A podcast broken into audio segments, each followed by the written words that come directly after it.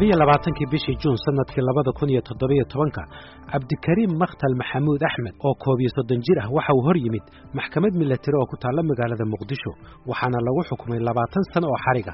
Dembiga lagu helay waxa uu ka koobnaa saddex qodob. Waa tan hore inuu wax u basaasayo waddan shisheeye oo u soo diray dalka soomaaliya si uu u fuliyo fala ku ah nabadgelyada iyo xasiloonnida shacabka soomaaliyeed waxaa kaloo lagu helay dembiyada kale ah iskuday dil iyo u horkicid dembi isagoo abaabulo in la dilo saddex shakhsi oo ku noolaa magaalada muqdisho. Cabdikariim makhtal maxamuud axmed waxa uu shirqoolkan bilaabay bishii maarso saddex bilood ka hor xilliga ay dhacayso maxkamadayntaasi. Labadii bishii abriilna waxau isku dayey inuu dilo kan ugu horreeya ee saddex shakhsi oo bartilmaameed u ahaa. Xuseen yuusuf faarax waxa uu ahaa saddexda qof ee uu bartilmaameedsanayey kan ugu horreeya. Afar nin baa waxay ii timid baabuur bay igu riday soolad iyo laba qori baa la igu qabtay. Raggaasi soo kaxaystay waxay ka bixiyeen dharkiisii iyagoo kadibna rasaas la dhacay dharkii kadibna waxay ku daadiyeen dhiig ka yimid neef ari ah oo la gowracay. Waxayna dharkii u keeneen cabdikariim makhtal maxamuud axmed oo ka soo haray inkastoo uu shirqoolka soo maleegay waxaana ay weydiisteen lacagtii uu u ballan qaaday oo ahayd shan iyo toban kun oo dollar. Waxaa kaloo ay ka codsadeen inuu la hadal siiyo sirdoonka dowlad deriska ah oo soo amray in dilkaasi la fuliyo si ay ugu sheegaan mas'uulkii u qaabilsanaa in dilkii uu meel maray cabdikariim maxamuud axmed makhtal oo aaminsanaa in la dilay ninkii bartilmaameedka u ahaa xuseen yuusuf faarax ayaa la hadlay sargaalkii amarka soo bixiyey. Markii aniga in saas ahaayo sawirkii layga qaaday oo sawirkii dantii laga lahaa laga qofsaday baa la celiyey. Waxaa la yidhi waan ku iibsanay shan iyo toban kun baan ku siisa shan iyo toban kun oo dollar. Shan iyo toban kun oo dollar. Hase yeeshee intii uu shirqoolkani socday waxaa codadka iyo howlgalkaba duubayey laamaha amniga ee soomaaliya halkaasina waxaa ku buuxsamay ururintii caddaymaha maxkamadda iyo sirdoonka soomaaliya ay samaynayeen waxaa cabdikariim maxamuud makhtal aanu ogeyn in askarta uu ka filayay inay shirqoolka fuliyaan ay wargeliyeen sirdoonka soomaaliya. Ayna la wadaageen shirqoolka bilow ilaa dhammaad ilaa ay maxkamaddu ka caddaynayso in dilkaasi uu dhab ka ahaa maxkamaddu waxay kaloo ogaatay in qorshahaasi ay soo maleegeen saraakiil ka tirsan sirdoonka etoobiya gaar ahaan gobolka ismaamulka soomaalida. Saddexda shakhsi ee la bartilmaameedsanayay waxay ka tirsanaayeen ururka o n l f waxayna kala ahaayeen xuseen yuusuf faarax oo goordhow aad codkiisa maqasheen maxamuud sooc iyo qofka saddexaad oo ahaa cabdikariim muuse qalbidhagax. Cabdikariim muuse qalbidhagax waxaa soo dayntiisa dhowaan kadib uu waraysi khaasa oo uu siiyey barnaamijka galka baarista uu kaga hadlay dhacdadaasi waxaana uu ii sheegay in xilliga shirqoolkaasi la maleegay ay heli jireen hanjabaado dil ah oo ka soo gaarayay etoobiya sirdoonka etoobiya iyo qolya iskaashanahaya idin dabadaba socda waa nala dhihi jiray. Digniintaasi noocee bay ahayd ma waa idin dilaynaa mise qaab kalay ahayd? Maxay ahayd? Ma laydin sheegay? Waxay ahayd boqolkii sideetan waa laydin dilahayaabay ahayd. Mararka qaarkood waan maqli jirnay qofkii ay suuragal tahay in la qabto laakiin waxay u badnayd in nala laynhayo arrintaas u badan baan soo gaari jira ma dowladda etoobiya federaalka mise maamulka soomaalida mise labadabay ka imanaysa. Intaba dhammaan waxay ii sheegeen qolada gacanta igu haysay inay in badan ay raaraadinayeen ay daba socdeen dad badanna inay isticmaaleen dhowr jeer tiro badan ba iyagu dheheen mararka qaarkood meelo laygu soo sheegay inay tag tageen misalada hoteelada hotel aad fadhiisan jirtay baan helay maqaayada iska shaahi jirtay baan helay waxsaas oo kale way dheheen mar waxay dheheen ugu dambeyn xaafadan xaafadaad degan tahay baan soo helay bay igu dheheen inkastoo meeshay dheheen xaafadaada waan ku soo aragnay aanan degenin cabdikariim muuse qalbidhagax waxa uu aaminsan yahay in sirdoonka soomaaliya iyo hanaanka garsoorkuba ay shaqo ammaan leh qabteen si ay kiiskaasi uga salgaaraan sirdoonku soomaalidu saas way fariishireen khayrlaasi marka kii ficilkaas geystay watay dhibaatada shirqoolkaas maxkamadaa la saaray xukunba ku dhacay. Inahaas waxay ahayd runtii shaqo fiican ay qabteen oo lagu ammaani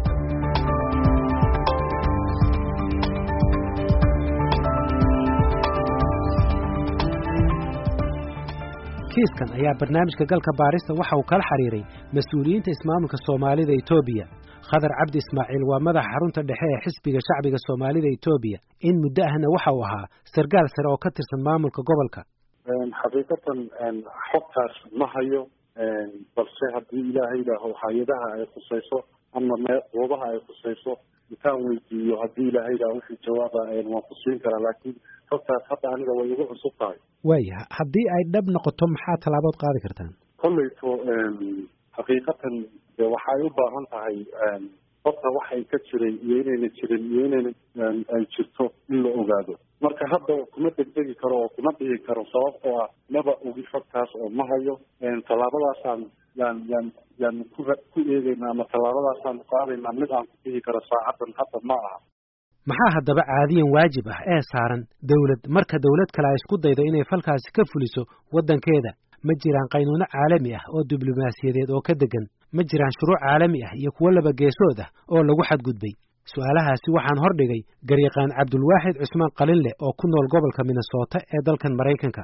Waxaan anigu marka hore sheegayaa kiiskan hadda aad weydiisay lama socdo adigu faahfaahintiisa hadalkaygana ma aha hadal si gaara aan kayskan ugaga hadlayo laakiin si guud baan uga hadlayaa. Markii faldambiyeed noocaas oo kaliya dhaco laba arrimood baa laga fiiriyaa. Faldambiyeedkan qofkan ajanabiga geystay ma qof shaksi ahaan u geystayba oo shaksi ahaan isagu dembigan u galay mise waxa ka dambeeya dawlad oo xaqiijin karaa inay dawladi ka dambayso. Haddii qofku uu shaksi ahaan u galay inta badan dawladuhu waxay leeyihiin wax loo yaqaan extradition treaties iyobaa jira ama agreements waxaa jira heshiisyo dhigaya in la isweydaarsado dadka eedeysanayaasha ah ee ay dawladuhu kala qabaan. Heshiisyo dawladaha dooda ay saxiixdaan baa jira. Marka haddii faldambiyeedku shaksi yahay waa noocaas. Haddii la ogaado inay dawladi ka dambeysay oo cadeymaheeda la helo. Dawladuhu inta badan waxay xaq yihiin markaa inay dawladda faldambiyeedka laga dhex sameeyey dhexdeeda sida soomaaliya oo kale masalan arrintan hadda aad sheegayso oo kale in ay arrintaa ka mudaharaado mudaharaad diblomaasi ah ee ay samayso oo ay arrintaa dacwad iyo cabasho rasmiya dawladda kale u gudbiso. Dawladdu dawladuhu markaa waxay sameeyaan ciqaab diblomaasiyadeed oo ay ka mid tahay in danjirayaasha ama ambasadorada waddankaasi laga eriyo dalka ayaa dhacda. Waxaa dhacda sidoo kale in dawladuhu ay isla tagaan maxkamadaha gobollada ka jira regionka africa oo kale ama united nationka ama maxkamadaha caalamiga ah. In dawladaha qaarkood ay xayiraad ama ciqaab xagga dhaqaalaha ay soo rogaan. Waxaa jira arrimo fara badan oo dawladuhu ay ku kacaan laakiin waxaa la ogyahay markii arrimaha sirdoonka gaar ahaan lala xiriira dembiyada noocaasi aad bay u adag yihiin in la caddeeyo oo waa arrimo siyaasadaysan weye dawladuhuna inta badan waxay ku xalliyaan xaal mastuur waana arrimo runtii dawladuhu aanay u dulqaadanin in faragelin toosa inta lagu sameeyo dalkooda faldambiyeedyo laga fuliyo ee dhulkooda laga fuliyo. Waa arrimo xasaasi ah oo dawladuhu aada iyo aad bay arrimahaas uga deeyaan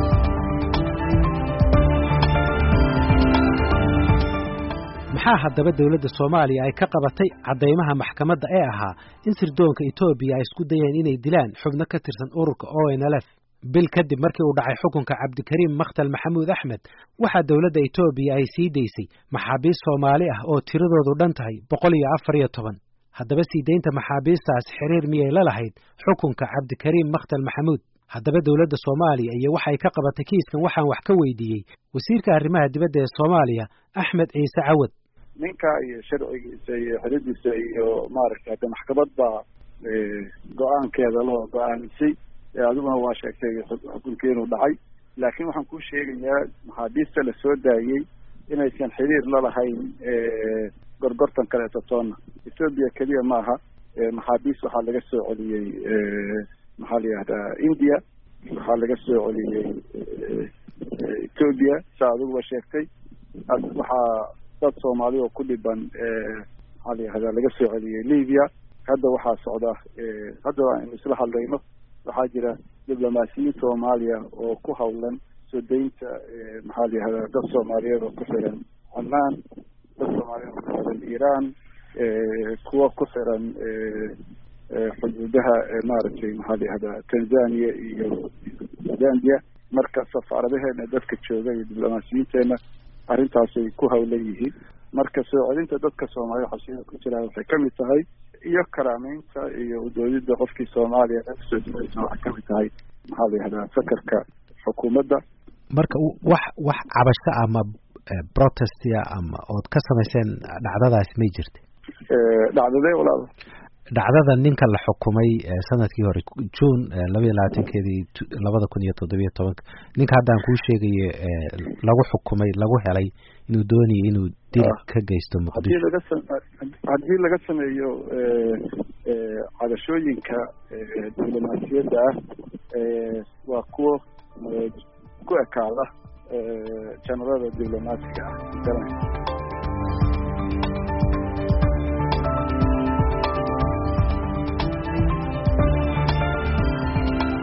laakiin sirdoonka etoobiya kama hadhin kiiska raggaasi waxaana la soo gaaray bishii ogost ee sannadkii aynu soo dhaafnay.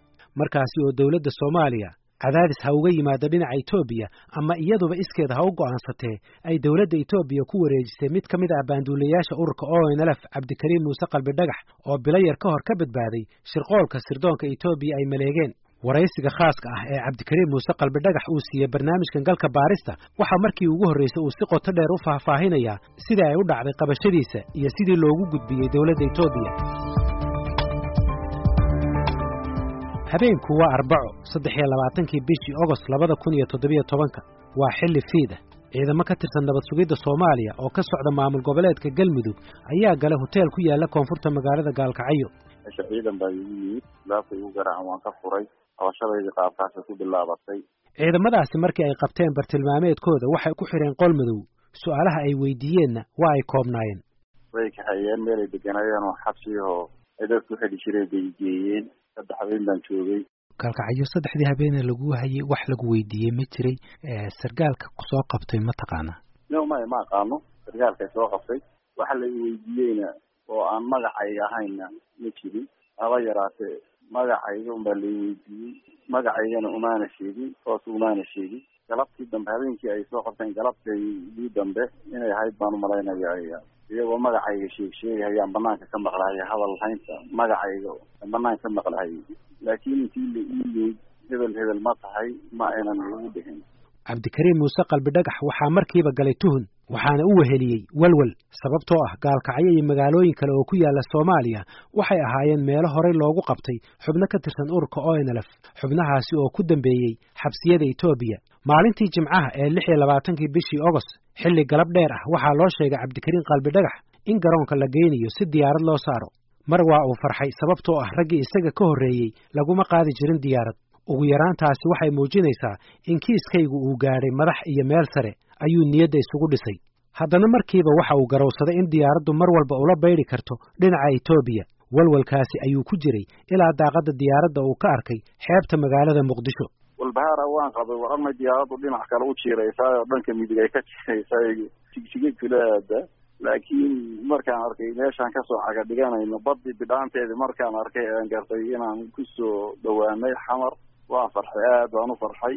Dhowrkii habeen walaac bay ahaana wuu iga ba'ay anigoo indhahaygu toos wuxuu arkay hayaan baan ka soo degay aeroboortka oo garanahaya oo dadka qaarkii garanaya baabuur baa laigu qaaday waxaa lagu xidhay xabsiga lagu magacaabo baarista xisbiga ee muqdisho.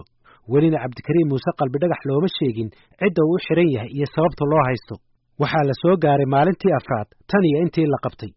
Kabacdi xamaraa lagu keenay xamar wax ma lagugu weydiiyey iyada.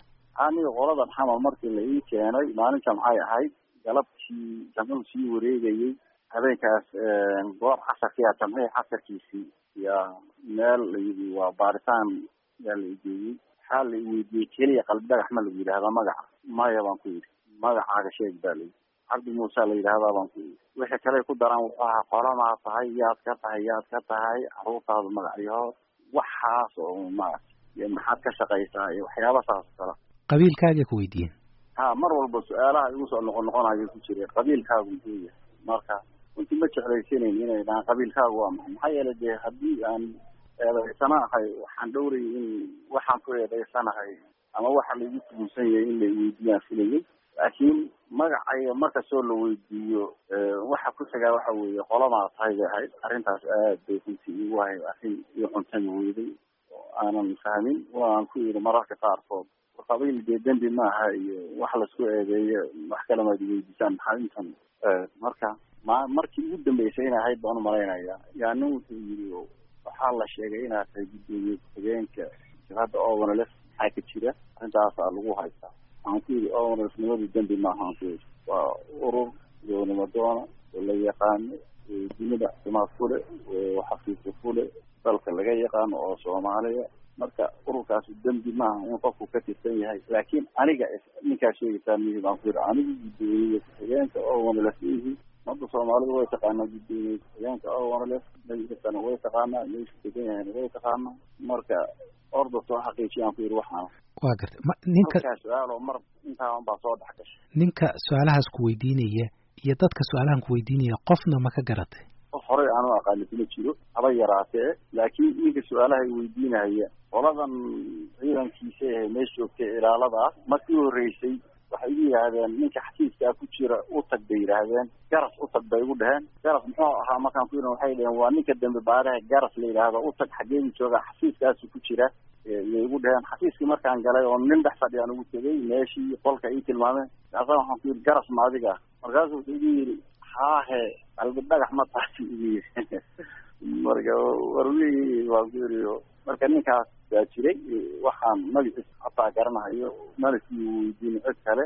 Laakiin inta ugu badan ninki wax iga qorahayay buu ahaa waxaa la soo gaaray isniin siddeed iyo labaatankii bishii ogost hiirtii hore ee maalintaasi ayaa lagu kallahay qolkii uu ku xirnaa cabdikariim muuse qalbi dhagax waxaana loo sheegay inuu isdiyaariyo anigoo ku jira qolkii aan ku xidhnaaba aroortii waxaa igu soo galay niman ciidankii meesha ilaalada ahaa kamida waxay yidhahan sarwaalkaaga qaado kale sarwaalkaagii oo ii keeneen owl iga maqnaan shaarkaaga xidho wax iyabaan xidhay. Waxaan u qaatay in la ii meel maxkamad in la ii mar qalbiga way iga soo dhacday. Xilligan la ii diyaariyey inkastoo waa xilli hore oo aan lahaa ma furna xafiisyada iyo maxkamadu. Haddana waxaan u qaatay in madaxda dalka qayb kamida ay doontay inay aragto oo la ii geynayo baan u qaatay. Gacmaha markii laiga xidhay aad baan u shakiyey gacmaha markii laiga xidhay ano indhaha aan laiga xidhin baa banaanka imid banaanka markii aan imid baa taliya xabsigu wuxuu yidhi war indhaha ninka ka xidha. Markaasaa indhahana laiga xidhay xadhigii gacmaha laigu sii adkeeyey kii indhaha laigu adkeeyey. Laakiin haddana waxaa isyeelan waayey waxa uu ismoodsiiyey iyo hadallada ay dhegihiisu maqlayeen. Kadibna waxaa loo qaaday garoonka muqdisho. Baabuurka lagu qaaday baabuurkaa lagaga wareejiyey. Kontarollo way jiraan aan sii dhaafnay kuway ahayn ma garan karo sidaasaa waxaa laigu wareejiyey baabuurkii dambe laigu wareejiyey baan waxaan maqlay dad ka hadlahayo oo ku hadlahayo luuqadda amxaariga. Baabuurkaas wax ka yar boqol mitir buu waday ciidan baa iga dejiyey diyaaradda halkaasna laiga saaray. Sidaasay horta xaaladeeda xamar aan kaga baxay ay ahayd. Cabdikariim muuse qalbi dhagax waxaa diyaaradda sida ay ku hakatay magaalada baydhabo. Waa sidaa isaga la ahayde marka waa laiga soo dejiyey diyaaradaasaa laila soo wareejiyey si wareegaha saasoo kale yaa laila soo wareejiyey meel aan malayn madaxa diyaaradaasaa laila soo wareejiyey meel baa la istaajiyey meeshaa la istaajiyey gacmaha ciidan baa gacmaha hayay ma arkaynin dadka kale sii taagan laakiin shanqar baan dareemayey dad meesha taagnaa iyo intii yaraydeen taagnaa kuwa ku soo socday iyo jaanqaadkooda un baan maqlayo unsiga marka ma caddayn karo laakiin meeshaasu meeshay ahayd. In yar markaan taagnaana diyaaradii baa laigu celiyey inay iyadii ahayd iyo inay nooceedii ahayd ma garanayo laakiin diyaaradii baa laigu celiyey muddo gaaban kadibna waxa uu gudagalay. Duulimaadkii ka tallaabinaya xuduudda soomaaliya. Goday markay ka tegtay aniga oo weli diyaaradda saaran yaa waxaa laiga furay indhaha. Markaasuu ninkii indhaha iga furay wuxuu yidhi meeshani waa goday buu igu yidhi nin ciidanka etoobiyaanka ka tirsan buu ahaa.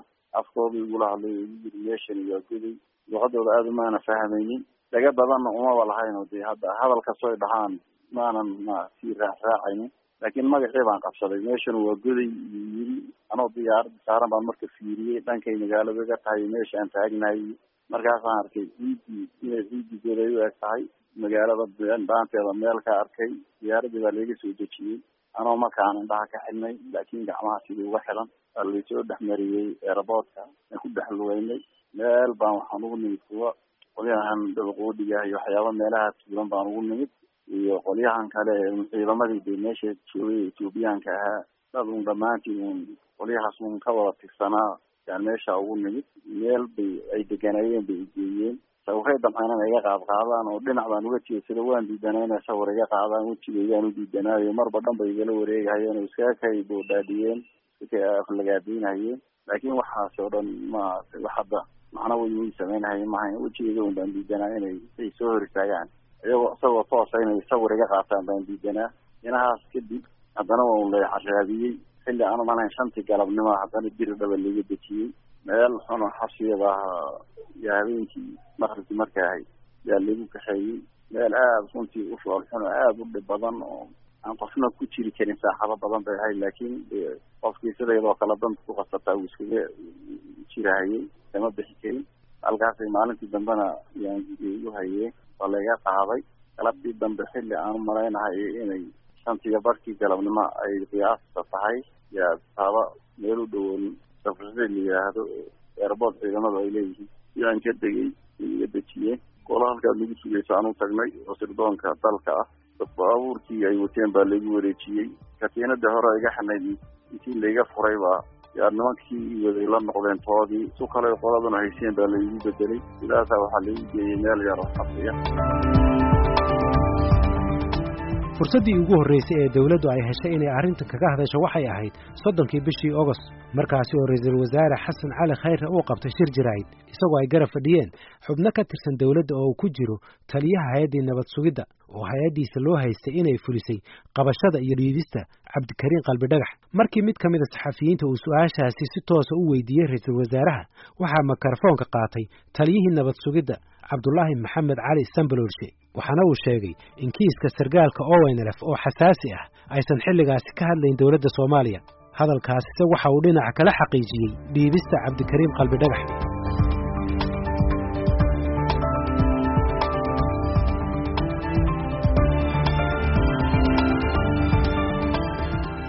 intaasi kadib waxaa tallaabadaasi ka dacwooday xildhibaano ururo bulsho iyo dadweyne caadi ah oo meelo kala duwan ka bannaanbaxay waxaa dhiibistaasi ay ku soo beegantay iyadoo mar walba dadka soomaalida ah ay xasaasiyad badan ka qabeen faragelinta shisheeye. Culayska ka soo fuulay dowladda dhinaca dadweynaha iyo xildhibaanada baarlamaanka oo jawaabo dalbanaya waxay ku qasbeen in lixdii bishii sebteembar golaha wasiirada soomaaliya ay markii ugu horraysay si rasmi ah ugaga hadlaan arrinta abuurtay dabaysha siyaasadeed. Waxayna dowladdu difaacday tallaabada ay qaaday iyadoo u cuskatay is-afgarasho hore u dhex martay mas'uuliyiin ka tirsan dowladdii hore iyo etoobiya intaasi waxaa dheeraa in dowladdu ay cabdikariim muuse qalbidhagax iyo ururka o n lf la xidhiirisay urur argagixiso ah gaar ahaan al-shabaab. Afhayeenkii dowladda ee xilligaasi ahaana wasiirka warfaafinta cabdiraxmaan cumar cusmaan ayaa warbaahinta uga warramay mowqifkii dowladda. Golaha ayaa ugu horreyn warbixin ka dhagaystay hay'adaha amniga ee la xidhiira xaaladda amni ee dalka guud ahaan gaar ahaan dhacdadii sarkaalka jabhadda hubaysan ee o n l f waxayna sheegeen inuu abaabulayey falalid ku ah amniga dalka oo in muddo ah ka dhex waday dalka gudihiisa xiriirna ula lahaa kooxaha argixisada ee al-shabaab.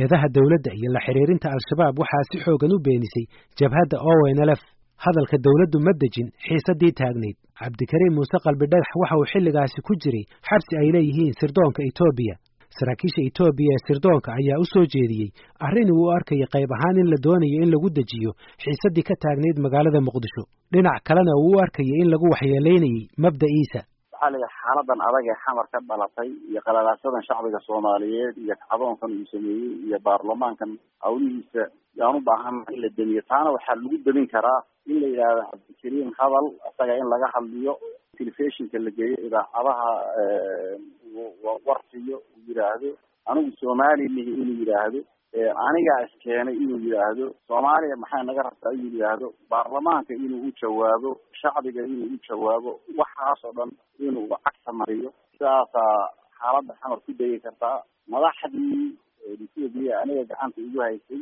arrintaas dhexdooday ku kala jabeen. Qayb kamidu aragtidaa way qaadatay. Waxay goosteen inaan anigu hadlo telefishinka laigeeyo idaacadaha waraysi siiyo aan waxaas ku hadlo. Soomaali miyi inaan dhaho anaa iskeenay ereyadaas aada maqlayso oo dhan bay qaarkood iila yimaadeen waxaa runtii caawinayay oon jeclaan lahaa maaragtay inaan sheego asxaanka ii sameeyeen qayb ka mid a madaxdii etoobiyaanka ee gacanta igu haysay qayb ka mid a gaar ahaan hay'adda sirdoonka madaxda ugu sarreysa yaa qorshaha waxay qaadatay wixii aniga aan doorto mooyahay inaan khasab laygaga dhigin inaan waxaas ku hadlo. Laakiin ha la weydiiyo haddii uu ogolaado o ikhtiyaarkiisa ku ogolaado markaan u soo bandhigno haddii hagaag ha ku hadla anagu afka qaban mayno hadduu diidana cid ku khasbi karta iyo inaan ku ciqaabnaayo ma dhacayso yidhaahdeen. Maalmo yar kadib qaarkood baa hawsha ayla yimid waxay igu yidhaahdeen ereyadaasoo qoran bay dhaheen dheh waxaan ku yidhi soomaalinimadu ma aha siyaasad. Soomaalinimadu waa isriya u dhalasho. Saan aaminsanahay anigu inaan ethoobiyan ahay. Noloshayda oo dhan lama dagaalameen ethoobiya lama dagaalameen. Anigu ma aaminsan inaan ethoobiyan ahay aabahay ma aaminsanin inuu ethoobiyan yahay awowayaashayna ma aaminsanin inay ethoobiyan ahaayeen ilmahayguna ma aamini doono inuu ethoobiyan yahay intaasaan ku idhi wax marka aan aqbalayo ma jiraan wixii kaleed qorsheed qaadanaysaa yeela kiiskaygu wuu caddaa dawladda soomaaliya ay qabatay eeyinkii diidtay kiiskaygu waa kiis dunida oo dhan ka warhayso aniga waa la taa marka ma aqbalayo aan ku idhi dhowr jeer oo kalea laigu soo celceliyay ereyada inaan isticmaalo dhowr jeer baa laigu soo celiyay jigjiga inaan tago oo laygeeyo jigjiga aniga oo aan maxbuus hayna hadli karo idaacadaha ka hadli karo telefishinada ka hadli karo waxaa ku hadlahaya dhowr bilood laga soo bilaabo markaan xidhnaa. Bil kadib qiyaasa markii la yahayey ilaa iyo bishii may intaas way igu soo noqo noqonaysay. Runtii erayadaas way igu soo noqnoqonayeen baarlamaanka go'aamadiisii ka hor iyo kadib way igu soo noqnoqonayeen ku soo noqnoqoshadan dambe marka ee iyadoo go'aankii baarlamaanku dhacay haddana lagu soo celceliyey aan u qaadanayay oo u fasiranayay macnaheedu inuu yahay inaan aniga khatar dambana ayna iga imanin noloshayda iyo taariikhdaydana halkaa lagu baabi'iyo. Sidaa darteed ana waan iska diiday waxaan aaminsanaana intii marnaba kama leexanin beenna kama sheegin. Sidaa anoo un baana ilaahay iga soo saaray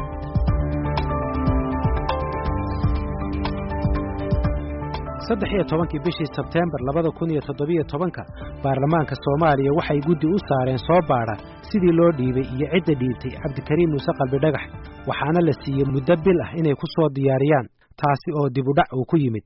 Ugu dambayntiina waxay guddigu warbixintooda hor keeneen baarlamaanka soomaaliya sagaal iyo tobankii nofembar labada kun iyo toddobiyo tobanka waxayna go'aamiyeen in gudbintaasi cabdikariim muuse qalbi dhagax ay ahayd sharci darro. Waxay kaloo sheegeen in ururka o n l f aysan ahayn urur argagixiso ah go'aanka guddiga waxaa baarlamaanka u akhriyey xildhibaan cali yuusuf cali xoosh. Guddiga waxaa u soo baxday in gudbinta cabdikariim sheekh muuse qalbi dhagax aan loo marin hab sharci ah lagana talagelin hay'adaha garsoorka iyadoo islamarkaa ay maaraysay hay'adda sirdoonka iyo nabad sugidda qaranka keliya laguna saleeyey go'aan aan ku dhisnayn xog aan sugnayn oo la siiyey madaxda qaranka guddigu waxay mas'uuliyadda qabashada iyo dhiibista qalbi dhagax dusha ka saareen hay'addii nabad sugidda. Xilligaasi waxaa hay'adda nabad sugidda madax ka ahaa cabdulaahi maxamed cali sambalowshe waraysi aan arrintan kala yeeshay goor hore waxa uu ku sheegay in go'aanka dhiibista ay ka warqabeen madaxda sare ee dowladda. Golaha wasiirada soo intay fadhiisteen wasiirka faafinta uu hadlay. Sababta loo dhiibay iyo waxa kalifay iyo go'aamo kaloo ka waaweyn soo lama qaadan anigu hadi ma ma ma see go'aan dawladda aysan ogaan u qaadan kara aniga. Markaas waxaa mogta haddii go'aan dawladda ka baxsan aan qaato in dawladda aniga qabsato sama dabcan taasi waxay ahayd maaraynta markii arrintu ay xasaasiyad badan abuurtay siday u maareeyeen ayuu ka hadlay wasiirka warfaafintu laakiin waxaa kaloo jirtay hay-dadka ku dhadhow dowladda markii la waraystay inay dhaheen arrintani waxaa hawsheeda ugu weyn lahaa sambalolshe marka arrinta haddaa adigu lahaydna u sheeg ummadda soomaaliyeed. Haddii aad lahaydna ciddii lahayd inaad sheegto. So intaas kaagama habboona maya anigu inaan farta isku fiiqo. Qof kalena aan farta ku fiiqa ma rabo. Waa garta baarlamaan baa baadhay waxay dhaheen qaabkii lagu dhiibayna qalad buu ahaa sidii loo soo qabtayna qalad buu ahaa. Waxaa kale sheegeen inuu nin muwaadin soomaaliyeed oo ciidanka soomaaliya ka soo tirsanay inuu ahaa. Wade aniga bliis arrinkaas qalbi dhagax wax badan inaan ka sheega ma rabo. Baarlamaankuna habkii hadda ay u qoreen hab oo xitaa very unprofessional u ahaa. Waa garta. Marka ma rabo wax badan inaad iga qodqodid oo qalbi dhagax ku saabsan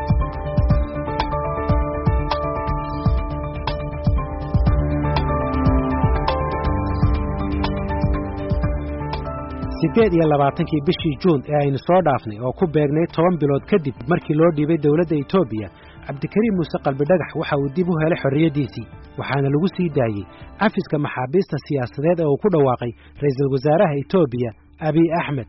Isbeddellada etoobiya waxay saameeyeen gobolka gaar ahaan xidhiirkii etoobiya iyo eritreya oo saldhig u ahayd ururka onlf iyo ururo kale oo mucaarad ku ahaa dowladda etoobiya dowladda etoobiya ayaa intii abiy axmed uu joogay eritreya waxay liiska madow ka saartay ururka onlf iyo laba urur oo kale. Siddeed iyo labaatankii bishii aynu soo dhaafnay ee julaay waxaa eritreya booqasho ku tegey madaxweynaha soomaaliya maxamed cabdulaahi farmaajo waxaana intii uu joogay dalka eritreya uu halkaasi kula kulmay guddoomiyaha ururka onlf admiraal maxamed cumar cusmaan oo kulankaasi kadib idaacadda v o a u sheegay in madaxweynaha soomaaliya uu ugu dambayn raaligelin ka bixiyey dhiibistii cabdikariim muuse qalbidhagax inkastoo dowladda soomaaliya aysan arrintaasi si rasmi ah u xaqiijin una beenin